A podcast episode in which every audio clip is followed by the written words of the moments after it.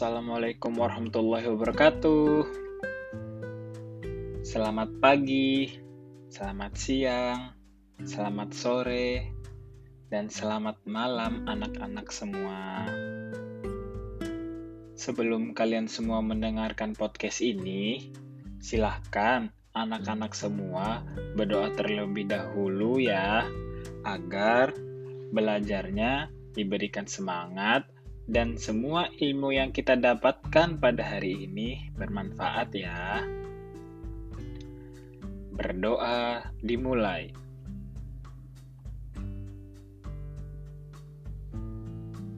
Selesai. Baik, gimana kabar kalian semua anak-anak? Tentu sehat semua ya. Dan pastinya kalian semua sudah tidak sabar untuk belajar bersama. Hari ini kita melakukan kegiatan asinkron ya. Jadi, kita tidak tidak tetap maya secara langsung. Akan tetapi, anak-anak semua dapat mendengarkan materi pembelajaran melalui podcast ini ya. Kita mulai saja yuk pembelajarannya. Jadi, pada hari ini kita akan membahas materi kelompok sosial. Sebelum itu, saya ingin bertanya nih kepada anak-anak semua. Pasti kalian semua sering nih dengar kata-kata kelompok. Iya atau tidak nih? Jawabannya pasti iya kan? Kalau di sekolah biasanya suka ada yang namanya kerja kelompok. Ada kelompok ilmiah, eh, ada juga kelompok ekstrakurikuler, dan juga pasti dari kalian sering tuh main dengan teman satu geng di sekolah maupun lingkungan rumah. Nah, itu tuh juga bisa disebut sebagai kelompok. Pertanyaannya, Kenapa ya kita suka berkelompok? Nah, daripada kita penasaran, yuk kita bahas bersama-sama. Kita ini kenapa sering berkelompok? Karena kita ini makhluk sosial anak-anak. Sejak kita dilahirin, kita ini sebenarnya sudah menjadi anggota berbagai macam kelompok. Anak-anak sekalian, mungkin tidak menyadarinya bahwa sejak lahir kita dilahirkan se sebenarnya secara otomatis menjadi anggota dari suatu kelompok. Sebagai bayi yang baru lahir, kita sudah menjadi anggota yang dinamakan keluarga.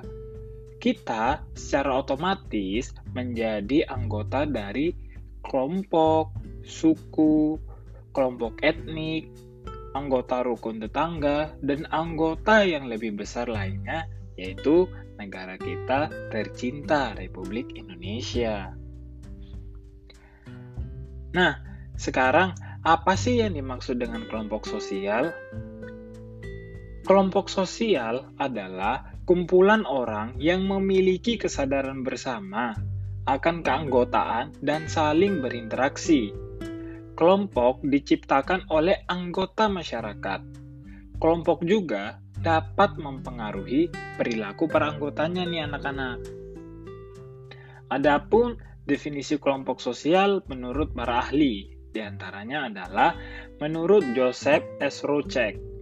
Kelompok sosial adalah sebuah kelompok yang meliputi dua orang individu ataupun lebih di antara mereka terdapat pola interaksi yang bisa dipahami oleh pihak lain maupun anggotanya sendiri secara keseluruhan.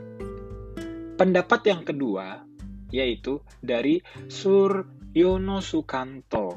Kelompok sosial adalah suatu atau himpunan manusia yang saling berkaitan di antara mereka dengan adanya timbal balik dan akan saling mempengaruhi.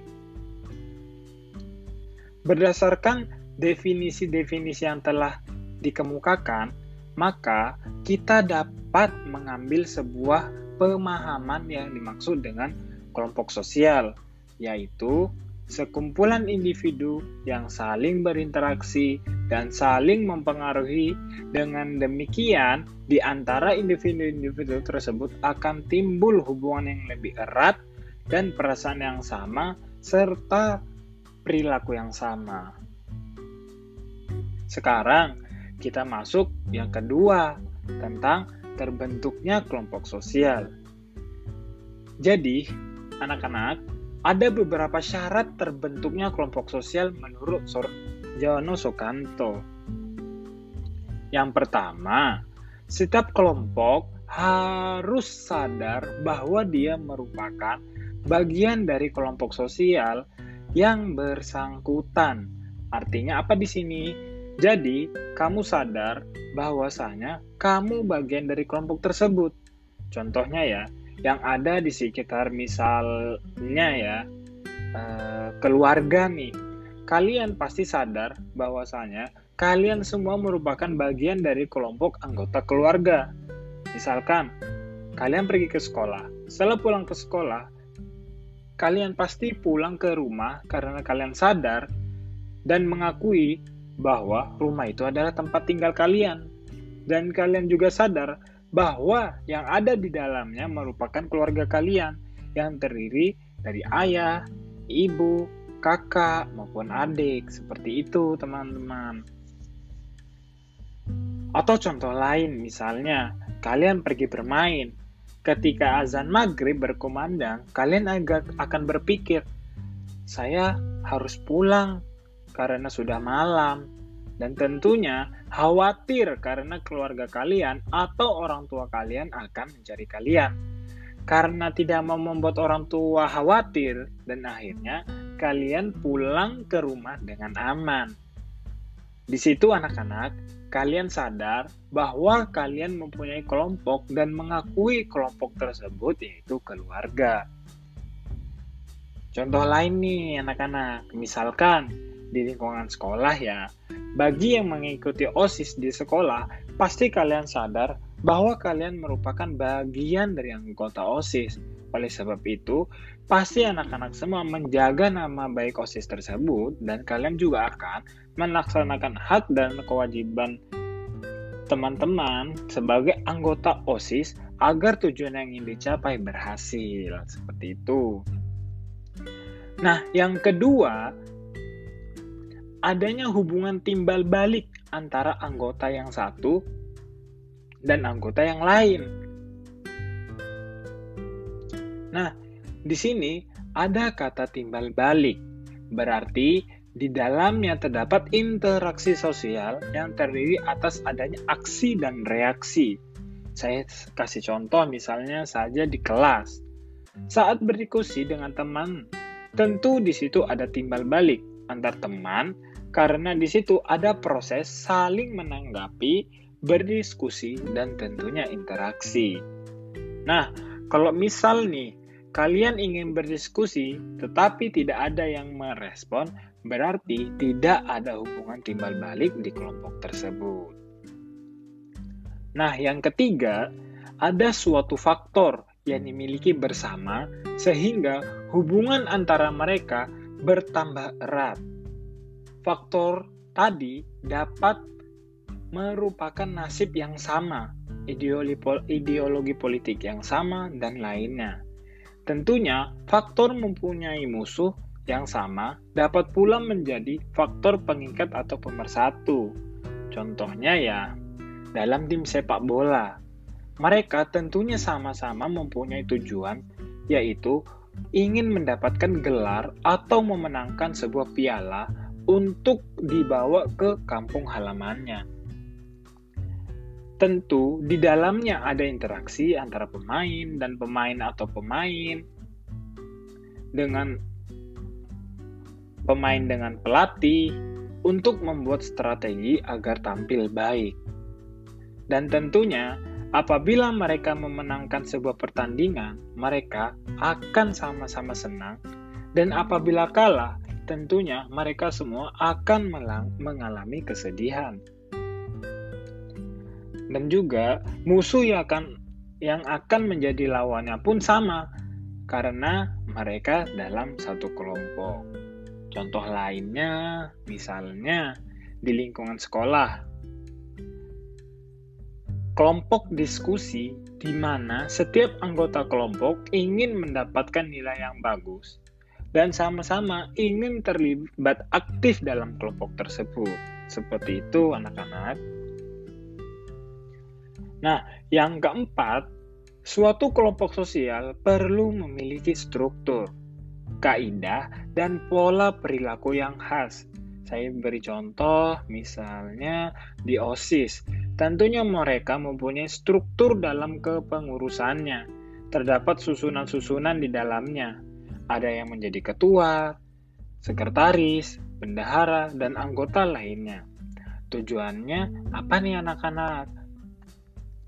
Tujuannya itu agar suatu kelompok tersebut dapat menggapai tujuan dengan baik dan menjalankan perintahnya sesuai tugasnya masing-masing.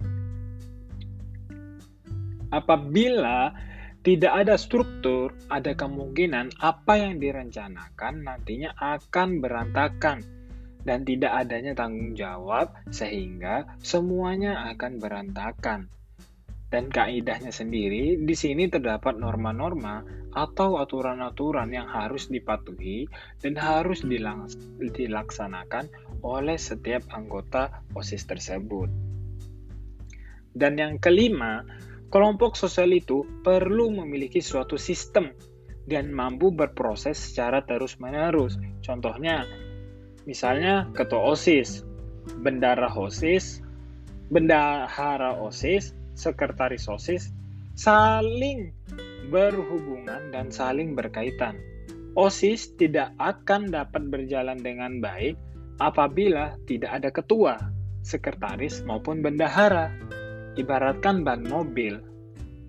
Apabila salah satu ban mobil tidak ada, maka untuk mencapai ketujuan yang ketujuannya akan sulit dan tidak akan berjalan dengan baik bila dibandingkan dengan ban mobil yang utuh. Seperti itu anak-anak. Selanjutnya, kita akan membahas ciri-ciri kelompok sosial. Pada dasarnya nih ya teman-teman, ciri-ciri suatu kelompok sosial tidak jauh berbeda dengan syarat-syarat kelompok sosial. Adapun ciri-cirinya adalah sebagai berikut. Yang pertama, terdapat dorongan atau motif yang sama antar individu satu dengan yang lain. Yang kedua, terdapat akibat-akibat interaksi yang berlainan terhadap individu satu dengan yang lain berdasarkan rasa dan kecakapan yang berbeda-beda antara individu-individu yang terlibat di dalamnya. Yang ketiga, adanya penegasan dan pembentukan struktur atau organisasi kelompok yang jelas dan terdiri dari peranan-peranan dan kedudukan masing-masing yang keempat, adanya peneguhan norma pedoman tingkah laku anggota kelompok yang mengatur interaksi dalam kegiatan anggota kelompok untuk mencapai tujuan yang ada. Yang kelima, berlangsungnya suatu kepentingan. Yang keenam, adanya pergerakan yang dinamik. Seperti itu, teman-teman. Teman-teman, uh, yang teman-teman dengarkan tadi, kita sama-sama membahas definisi dari kelompok sosial, kemudian syarat-syarat kelompok sosial, dan yang ketiga dan yang terakhir yaitu ciri-ciri kelompok sosial. Nah, pada pembahasan hari ini cukup sekian ya pembahasan yang kita bahas tentunya eh, tiga poin yang seperti saya sebutkan tadi ya. Nah, untuk itu agar anak-anak semua dapat lebih memahami, silakan kerjakan soal-soal yang ada di UKBM yang sudah saya kirimkan di Google Classroom. Silakan anak-anak semua mengerjakan soal di pertemuan pertama dan kerjakan kegiatan belajar satu sampai tiga. Jadi teman-teman mengerjakan kegiatan belajar satu, kegiatan belajar dua, eh, kegiatan belajar tiga. Yang di mana di situ ada tugas individu, tugas kelompok, dan evaluasi belajar. Nah, kemudian dikumpulkan sesuai petunjuk kerja yang sudah ada. Untuk itu, tetap semangat ya anak-anak semua, tetap jaga kesehatan. Sampai jumpa di pertemuan selanjutnya. Wassalamualaikum warahmatullahi wabarakatuh.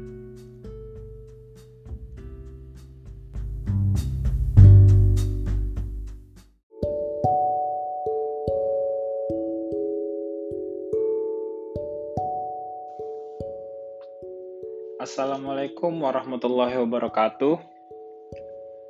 Selamat pagi anak-anak semua. Gimana kabar kalian semua? Semoga sehat-sehat aja ya. Semoga Allah Subhanahu wa taala memberikan kesehatan, kenikmatan, kedamaian untuk kita semua.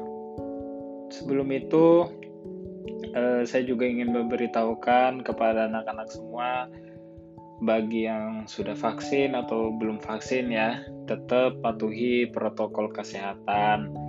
Seperti misalnya yang dianjurkan oleh pemerintah, tetap memakai masker, menjaga jarak atau social distancing ya, terus rajin mencuci tangan atau memakai hand sanitizer agar kita uh, selalu dapat uh, jauh dari hal-hal yang tidak diinginkan. Eh, semoga kita tetap sehat selalu seperti itu.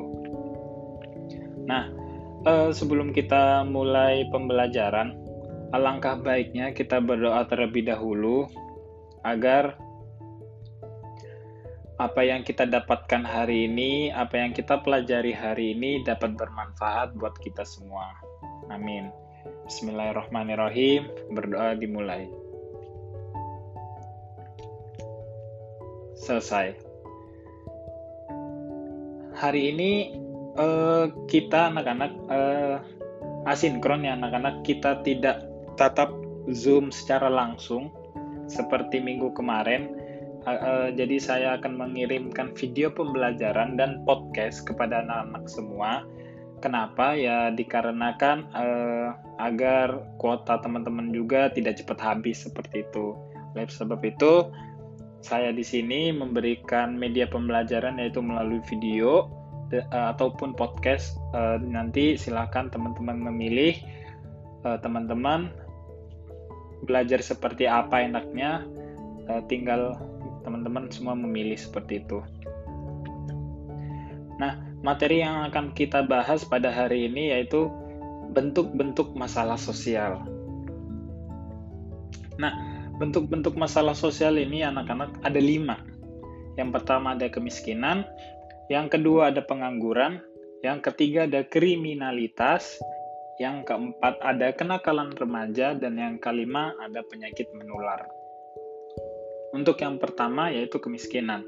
Nah, kemiskinan ini merupakan kondisi di mana seseorang tidak mampu untuk memenuhi kebutuhan hidupnya sesuai dengan taraf atau standar kehidupan pada umumnya. Uh, jadi ketidakmampuan ini ditandai atau disebabkan karena rendahnya pendapatan sehingga sulit untuk memenuhi kebutuhan pokok. Nah, jadi kebutuhan pokok ini seperti apa anak-anak? Yaitu seperti ya kebutuhan pangan, sandang dan papan. Nah, karena rendahnya pendapatan akan sulit untuk memenuhi kebutuhan hidupnya. Nah, eh, selain itu, karena pengaruh dari rendahnya pendapatan, di sini akan memberikan dampak atau pengaruh kepada standar kesehatan dan juga standar pendidikan. Nah, jadi kalau pendapatan kita rendah, itu juga akan berpengaruh kepada kesehatan dan juga pendidikan. Saya kasih contoh nih anak-anak Misalkan dari kesehatan, ada keluarga yang mungkin pengangguran seperti itu. Dia tidak punya uang untuk beli makan yang bergizi, sehingga ia makan apa adanya seperti nasi garam atau nasi kecap agar perutnya sekedar terisi dan tidak merasakan lapar. Nah, kalau terus-menerus melakukan hal seperti itu, tentu tidak baik untuk kesehatan tubuh dan tentunya itu akan membuat tubuh lemas dan bekerja tidak efektif seperti itu anak-anak. Nah, eh, saya kasih contoh yang lain misalnya da, eh, dari segi kesehatan ya. Eh, kita sakit, kita mau ke rumah sakit, tidak mempunyai biaya gitu ya. Kita mau ke rumah sakit tetapi kita tidak mempunyai biaya. Mau pinjam duit misalnya, tidak ada yang mau menolong. Sehingga walaupun kita sakit parah, akhirnya tidak ke rumah sakit dan hanya berbaring di rumah atau dibiarkan saja seperti itu anak-anak. Nah, penyakit itu tentu akan uh, tentu tidak akan sembuh dong. Kalau tidak ada pengobatan, melainkan akan menjadi masalah yang lebih besar atau penyakitnya tambah parah seperti itu. Nah, uh, kalau tadi dari segi kesehatan, sekarang saya kasih contoh dari segi pendidikan. Nah, mungkin uh, saya kasih contoh misalnya keluarga kita tidak mampu secara finansial, seperti di keadaan beberapa desa. Nah, karena tidak adanya uang untuk memenuhi kebutuhan sehari-hari, akhirnya anak yang seharusnya sekolah tidak sekolah gitu.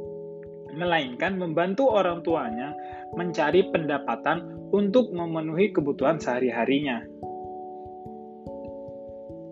Atau contoh lain misalnya, kalau keluarga kita mempunyai uang lebih, kita mampu secara finansial, pasti tentu kita disekolahkan setinggi-tingginya, dicarikan sekolah yang bagus, eh, lengkap teknologinya, bahkan mungkin anak-anak disekolahkan ke luar negeri seperti itu. Namun, karena keadaan finansial yang kurang mencukupi, akhirnya ya pasti ada kepikiran seperti ini nih. Udah sekolah deket-deket aja, biar biayanya tidak makan banyak. Nah, atau misal mau lanjut ke sekolah yang lebih bagus, ada kata-kata seperti ini, udah nggak usah, yang penting kan bisa baca tulis. Nah, tentu hal-hal seperti inilah mengapa anak-anak muda di Indonesia kurang berkembang, kurang berpikiran kritis, kurangnya kemampuan untuk berpikir maju dan lainnya seperti itu. Nah, itu dari eh, bentuk-bentuk kemiskinan seperti itu. Nah, uh, di sini ada bentuk-bentuk kemiskinan ya anak-anak. Uh, bentuk-bentuk kemiskinan ini ada tiga. Yang pertama ada kemiskinan absolut, yaitu merupakan tahap di mana individu sulit atau bahkan tidak sanggup untuk memenuhi kebutuhan pokoknya, sekaligus mendasar agar dapat menyambung hidup. Uh, saya kasih contoh nih uh, ada seseorang yang mengalami disabilitas. Mohon maaf sebelumnya. Dalam arti di sini tubuhnya kurang lengkap atau lumpuh. Otomatis bagi orang yang mengalami ini akan sulit untuk mereka mendapatkan pekerjaan atau bekerja. Kalau dia dia tidak bekerja, tentu orang yang mengalami ini akan sulit memenuhi kebutuhan sehari-harinya. Nah, ini arti dari kemiskinan absolut anak-anak. Yang kedua, ada kemiskinan relatif. Eh, saya kasih contoh, misalnya ada seseorang yang bekerja di pabrik, di pabrik. Eh, orang ini pergi bekerja menggunakan sepeda, sedangkan eh, teman-temannya atau rekan kerjanya menuju dari rumah ke tempat kerjanya, mereka membawa mobil. Nah, Ketidakmampuan seperti ini dinamakan kemiskinan relatif anak-anak. Nah, namun anak-anak eh, di sini perlu digarisbawahi bahwa walaupun misalnya seseorang ini pergi ke kantor hanya menggunakan sepeda dan makan makan di pinggir jalan, tapi dia masih mampu memenuhi kebutuhan sehari-hari atau kebutuhan pokoknya. Nah, eh, misalkan ya bisa jadi ya di, uh, dia tidak beli mobil ya karena mobil itu mahal daripada nggak makan atau tidak bisa memenuhi kebutuhan sehari-hari ya mending pakai motor kan nah daripada mobil seperti itu. Anak-anak juga tahu bahwa pajak mobil itu mahal ya daripada motor. Dan juga kalau membeli mobil tentu juga harus punya ruang yang lebih besar atau garasi untuk menyimpan mobil seperti itu. Nah, yang ketiga ada kemiskinan kultural. Nah, kemiskinan kultural kultural ini merupakan bentuk kemiskinan yang terjadi akibat adanya sikap dan unsur budaya masyarakat yang cenderung santai dan tidak memiliki motivasi untuk memperbaiki taraf hidupnya menjadi lebih baik. E, dalam arti di sini, mereka ini tidak mempunyai motivasi untuk memperbaiki standar hidupnya agar lebih baik. E, saya kasih contoh, misalnya disuruh kuliah melanjutkan ke perguruan tinggi. Nah, misalnya kenapa kita disuruh kuliah ya karena agar mendapatkan ilmu yang lebih banyak lagi sehingga bisa mendapatkan pekerjaan yang lebih baik. Namun bukannya ia kuliah malah menjawab seperti ini anak-anak. Ngapain kuliah capek-capek? Toh banyak juga orang yang kuliah tapi masih jadi pengangguran. Nah, itu juga termasuk ke uh, kemiskinan kultural.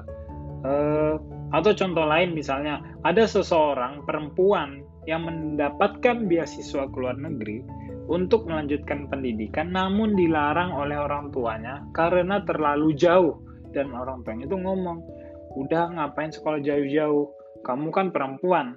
Nanti tuh kamu ngurus suami kalau udah nikah, terus eh, masak di dapur." Nah, itu juga termasuk ke dalam kemiskinan kultural seperti itu anak-anak. Nah, di slide selanjutnya itu ada pengangguran. Nah, pengangguran itu sebuah golongan angkatan kerja yang belum melakukan suatu kegiatan yang menghasilkan uang. Pengangguran tidak terbatas pada orang yang belum bekerja. E, jadi di sini pengangguran bukan hanya ditunjukkan kepada orang yang belum bekerja anak-anak, tetapi juga kepada orang yang sedang mencari pekerjaan dan juga pada orang yang bekerja namun pekerjaannya belum produktif. E, di sini belum produktif dalam arti belum kerja tetap. Misal, saya kasih contoh e, seperti supir panggilan. Dalam arti dia kerja apabila ada panggilan atau ada orang yang menghubungi, menghubungi si supir untuk pergi namun apabila tidak ada panggilan, supir ini ya diam di rumah, tidak bekerja. Nah, ini disebut uh, be, uh, disebut sebagai bekerja tidak produktif seperti itu anak-anak. Uh, selanjutnya, nah di sini ada jenis-jenis pengangguran. jenis-jenis pengangguran ini ada empat ya anak-anak. Yaitu pertama ada pengangguran terbuka Pengangguran terbuka ini yaitu pengangguran yang tidak memiliki pekerjaan karena belum mendapatkan pekerjaan atau memang tidak mau bekerja. Uh, selain itu, bisa juga disebabkan karena uh, lapangan pekerjaan yang tidak tersedia anak-anak. Uh, selain itu juga banyak lowongan pekerjaan misalnya, banyak lowongan, banyak perusahaan-perusahaan yang ingin pekerja gitu. Tetapi tidak ada kecocokan antara lowongan kerja dengan latar belakang pendidikan. E, saya kasih contoh, misalnya saya ingin bekerja dan e, sudah mencari ke sana kemari untuk mendapatkan pekerjaan. Ternyata e, sudah mencari beberapa di beberapa perusahaan ada nih lowongan pekerjaan. Ada sebuah perusahaan yang butuh tenaga kerja gitu ya ternyata eh, pas misalnya saya baca syarat-syaratnya ternyata perusahaannya membutuhkan seseorang lulusan ekonomi dan jurusan akuntansi. Nah, pada akhirnya ya saya tidak bisa mendaftar ke situ ke perusahaan itu karena pendidikan saya adalah jurusan sosiologi sedangkan perusahaan uh, meminta jurusan akuntansi seperti itu. Atau e, contoh lain misalnya ada sebuah perusahaan membutuhkan tenaga kerja dengan pendidikan lulu, e, pendidikan lulusan otomotif atau teknik mesin. Ya pada akhirnya saya juga tidak bisa mendaftar ke perusahaan itu. Kenapa? uh, anggap saja ya karena saya lulusan desainer baju dan fashion seperti itu. Yang kedua ada pengangguran siklikal, yaitu kondisi ini terjadi karena adanya perubahan dalam kegiatan perekonomian negara. Uh, saya kasih contohnya anak-anak dari pengangguran siklikal ini uh, akibat coronavirus misalnya. Anak-anak pasti tahu lah uh, COVID-19 uh, sudah satu tahun lebih ya lamanya gitu ya. Akibat corona ini ya, COVID-19 ini negara jadi mundur. Uh, bahkan kalau anak-anak semua membaca berita pendapatan pendapatan Indonesia menurun menjadi yang awalnya menengah ke atas menjadi pendapatan menengah ke bawah atau miskin. Akibat virus corona ini juga membuat masyarakat dalam berin, e, bertransaksi jual dan beli menjadi menurun. Misalnya, sebelum corona, setiap, belan, e, setiap bulan belanja baju. Karena e, corona berhenti beli baju. Atau misalnya, setiap libur sekolah, eh, kalian berwisata dengan keluarga, pergi ke taman bermain. Karena corona, kalian jadi tidak berlibur, kalian cuma diam di rumah aja gitu ya. Nah, karena kejadian ini, akhirnya pendapatan perusahaan menjadi menurun karena banyak masyarakat yang jarang berbelanja lagi, jarang berwisata lagi, dan lainnya. Nah, akhirnya mereka memutuskan untuk memecat karyawan agar menghindari perusahaan menjadi rugi atau karena corona mereka menjadi bangkrut sehingga harus tutup gerai sehingga masyarakat terpaksa keluar dari pekerjaan seperti itu anak-anak. Nah, yang ketiga ada pengangguran musiman yaitu siklus ekonomi yang berfluktuasi karena adanya pergantian musim sehingga pekerja harus menghentikan aktivitas produksi untuk sementara. Nah, biasanya ya, pengangguran musiman ini terjadi pada bidang-bidang tertentu, misalkan di bidang pertanian, perikanan, dan lainnya. Uh, saya kasih contoh misalnya, si Budi bekerja karena hasil panennya berhasil, sehingga ia dapat menjualnya ke pasar. Akan tetapi, kalau hasil panennya gagal, ya dia tidak bekerja dan tidak bisa menjual ke pasar. Atau eh, saya kasih contoh yang lain, misalnya travel haji. Travel haji akan ramai satu tahun sekali. Mereka akan sibuk karena memberangkatkan rakyat Indonesia pergi haji ke Arab Saudi. Nah, setelah musim haji selesai, tentunya mereka tidak akan sibuk seperti musim haji atau bahkan mungkin pendapatan mereka menjadi menurun setelah musim haji selesai. Seperti itu anak-anak. Dan yang keempat yaitu eh, ada setengah pengangguran. Nah kondisi ini merupakan pekerja yang mempunyai pekerjaan namun jam kerjanya sedikit pekerja ini biasanya bekerja kurang dari 35 jam dalam seminggu. Mungkin kalau teman-teman tahu bahwa bekerja di kantor minimal 8 jam per hari. Jadi kalau dalam seminggu di total menjadi 56 jam seperti itu. Nah, itu termasuk ke setengah pengangguran. Baik, eh, selanjutnya yaitu ada kriminalitas.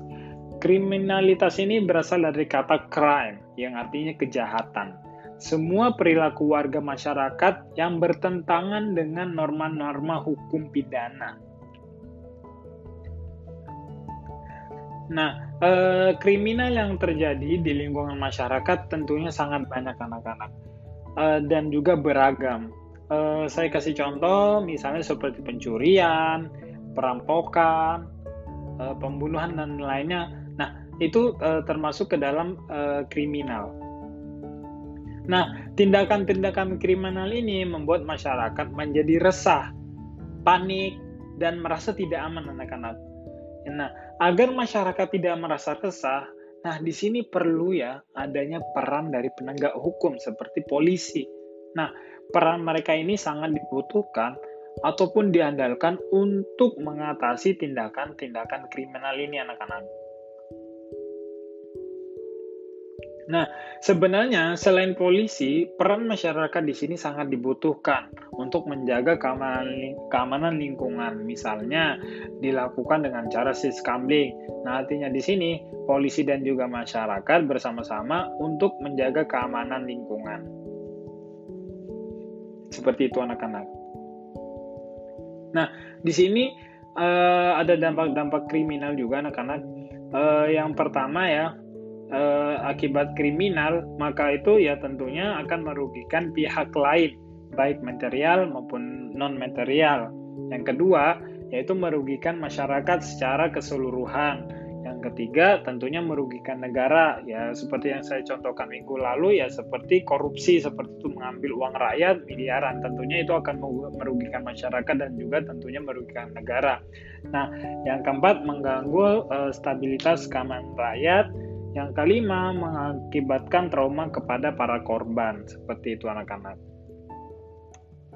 Nah, selanjutnya yaitu ada kesenjangan sosial, yaitu ketimpangan atau ketidaksamaan akses untuk mendapatkan sumber daya yang tersedia atau terjadi ketidakadilan distribusi hal-hal yang dianggap penting dalam suatu masyarakat. Nah, Selain itu, ada faktor-faktor pendorong terjadinya kesenjangan sosial ekonomi di masyarakat. E, bisa sama-sama kita perhatikan faktor pendorongnya. Nah, ini ada faktor-faktor pendorong kesenjangan sosial di sini. E, yang pertama ada apa e, menurunnya pendapatan per kapita ya kedua ketidakmerataan pembangunan di daerah-daerah Ketiga, rendahnya mobilitas sosial. Keempat, adanya pencemaran lingkungan alam. Yang kelima, kesenjangan sosial ekonomi dapat menimbulkan masalah di masyarakat, seperti munculnya tindakan kriminal, adanya kecemburuan sosial, dan lain sebagainya. Nah, penyakit yang selanjutnya ada penyakit menular, yaitu penyakit menular adalah uh, gangguan yang disebabkan oleh organisme seperti bakteri, virus, jamur, atau parasit disebabkan oleh agen biologi seperti uh, mikroorganisme patogenik atau virus, bakteri, dan fungsi, uh, serta parasit. Nah, uh, penyakit menular ini uh, su sudah saya jelaskan kemarin ya anak-anak di Zoom Zoom meeting kemarin ya akibat corona ini ya tentunya banyak masyarakat yang dipecat dari perusahaan ya. Banyak orang yang meninggal karena virus corona ini. Terus uh, banyak orang yang akhirnya sulit memenuhi kebutuhan uh, kebutuhan sehari harinya nah ini dari uh, penyakit menular. Seperti itu anak-anak. Nah di slide selanjutnya ya anak-anak ini ada kenakalan remaja. Yaitu kejahatan yang dilakukan oleh anak remaja dengan demikian, kenakalan remaja merupakan perbuatan yang melanggar hukum yang dapat dikenai sanksi pidana bagi yang melanggar eh, larangan tersebut. Nah, secara garis, eh, secara garis besar ya, kenakalan remaja dapat disebabkan oleh faktor internal dan faktor eksternal di sini. Nah, eh, kita akan bahas yang pertama faktor internal. Nah, faktor internal di sini ada dua ya anak-anak. Yang pertama ada krisis identitas, yaitu terjadi terjadi sebab pada masa remaja kondisi kejiwaan yang labil. Remaja masih sangat menonjol. Jadi eh, remaja itu masih labil gitu ya di usianya. Nah, remaja sedang dalam kondisi untuk mencari identitas diri, di mana Kesulitan ini sering tanpa disadari oleh para remaja. Uh, di sini uh, yang dimaksud dari krisis identitas ini anak-anak di sini itu ya mereka tuh masih mencari siapa sih aku sebenarnya atau mencari identitas dirinya. Nah, remaja di sini itu tidak mau dianggap anak kecil anak-anak. Misalnya disuruh makan oleh orang tuanya, nanti anaknya protes seperti ini aku aku udah besar Aku tahu kapan aku harus makan atau kenyang. Atau misal contoh lain, misalkan orang tuanya meminta anaknya pulang ke rumah karena orang orang tuanya khawatir sudah larut malam. Namun anaknya membantah anak. Jadi uh, anak ini bilang kayak gini, aku sudah besar, masa iya jam segini pulang? Nah itu uh, termasuk ke dalam uh, krisis identitas. Nah yang kedua yaitu kontrol diri yang lemah. Remaja yang tidak bisa mempelajari dan membedakan tingkah laku yang dapat diterima dengan yang tidak dapat diterima akan terseret perilaku nakal. E, maksudnya di sini apa? Jadi e, karena mereka tidak bisa membedakan mana yang baik dan mana yang buruk, di sini akan muncul eh, perilaku-perilaku nakal gitu ya. Karena eh, kontrol diri yang lemah ini membuat remaja-remaja remaja-remaja mudah terbawa ke kehidupan yang hanya menunjukkan identitas dirinya. Jadi mereka tidak tahu, tidak bisa berpikir apa yang ia lakukan itu benar atau salah seperti itu anak-anak. Nah, yang ketiga anak-anak ada faktor internal, yaitu yang pertama ada keluarga, yaitu pendidikan yang salah di keluarga seperti terlalu membanyakan anak, eh, tidak memberikan pendidikan agama atau penolakan terhadap eksistensi anak bisa menjadi penyebab terjadinya kenakalan remaja. Nah, yang kedua ada teman dan lingkungan yang kurang baik. E, pola pergaulan dengan teman sebaya sangat besar pengaruhnya. Sebab di tengah-tengah teman sebaya, eksistensi seorang remaja mendapat pengakuan. Jika para remaja menemukan lingkungan pergaulan dengan perilaku yang salah, maka hal ini akan membawa kepada mereka untuk berperilaku nakal. Jadi di sini anak-anak kalau misalnya teman bermainnya membawa kita ke negatif ya kita negatif gitu loh uh, kalau misalnya teman-temannya uh, teman-temannya lingkungannya positif ya tentunya kita melakukan hal yang positif gitu contohnya nih saya kasih contoh misalnya kalau misalnya teman-teman uh, teman-teman teman lingkungan kalian baik misalnya waktu azan nih ya azan berkumandang di lingkungan positif bilang, hei udah azan nih, yuk kita bubar main, yuk kita sholat dulu. Setelah sholat baru kita lanjut main. Tapi kalau lingkungannya tidak baik ya anak-anak pasti gini azan, udah ngapain sholat, kita lanjut aja main. Besok kan masih ada bisa sholat lagi seperti itu anak-anak. Tentunya hal-hal yang negatif ini uh, tidak baik seperti itu, tidak baik untuk dilakukan. Nah yang ketiga yaitu ada pengaruh budaya asing yang cenderung negatif. Uh, ini sudah kita bahas juga anak-anak di pertemuan sebelumnya. Jadi sering kali remaja beranggapan bahwa semua yang berasal dari luar negeri itu baik, keren, dan kekinian. Uh, bahkan banyak yang menganggap bahwa kalau misalnya uh, Indonesia ini ya dibilang kata anak kamu ah uh, Indonesia ini ketinggalan zaman masa iya bajunya kayak gini bajunya gini-gini terus bagusan bajunya orang luar uh, apa modern maju keren gitu kalau kita foto jadi keren kalau kita pakai baju-baju Indonesia ya apaan jadi nggak keren nah itu uh, perilaku uh, pikiran perikan anak muda sekarang ya karena pengaruh negatif dari luar. Nah, seperti yang kita tahu ya anak-anak, uh, tentu uh, Buddha uh, tidak semua budaya Barat ya memberikan manfaat yang baik dan bahkan ada juga ya budaya yang tidak cocok dengan budaya Barat yang tidak cocok dengan budaya kita seperti itu anak-anak. Uh, sampai sini dulu anak-anak. Terima kasih. Jadi apabila masih ada yang dibingungkan atau misalnya teman-teman ingin bertanya silahkan dapat bertanya kepada saya langsung. Silahkan eh, dapat eh, langsung chat saya di WA atau dapat juga bertanya eh, di melalui Google Classroom apabila masih ada yang ingin ditanyakan.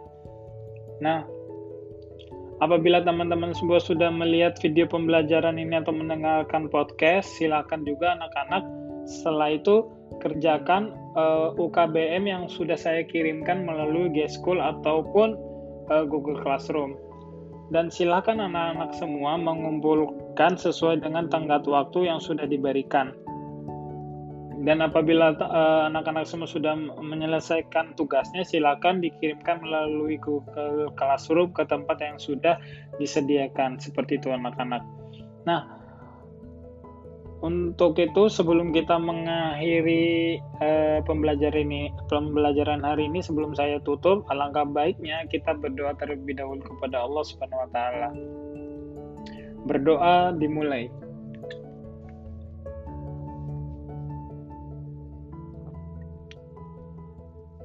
Alhamdulillah berdoa selesai.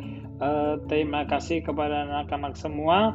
Kita bertemu lagi di pelajaran selanjutnya yaitu minggu depan. Wassalamualaikum warahmatullahi wabarakatuh.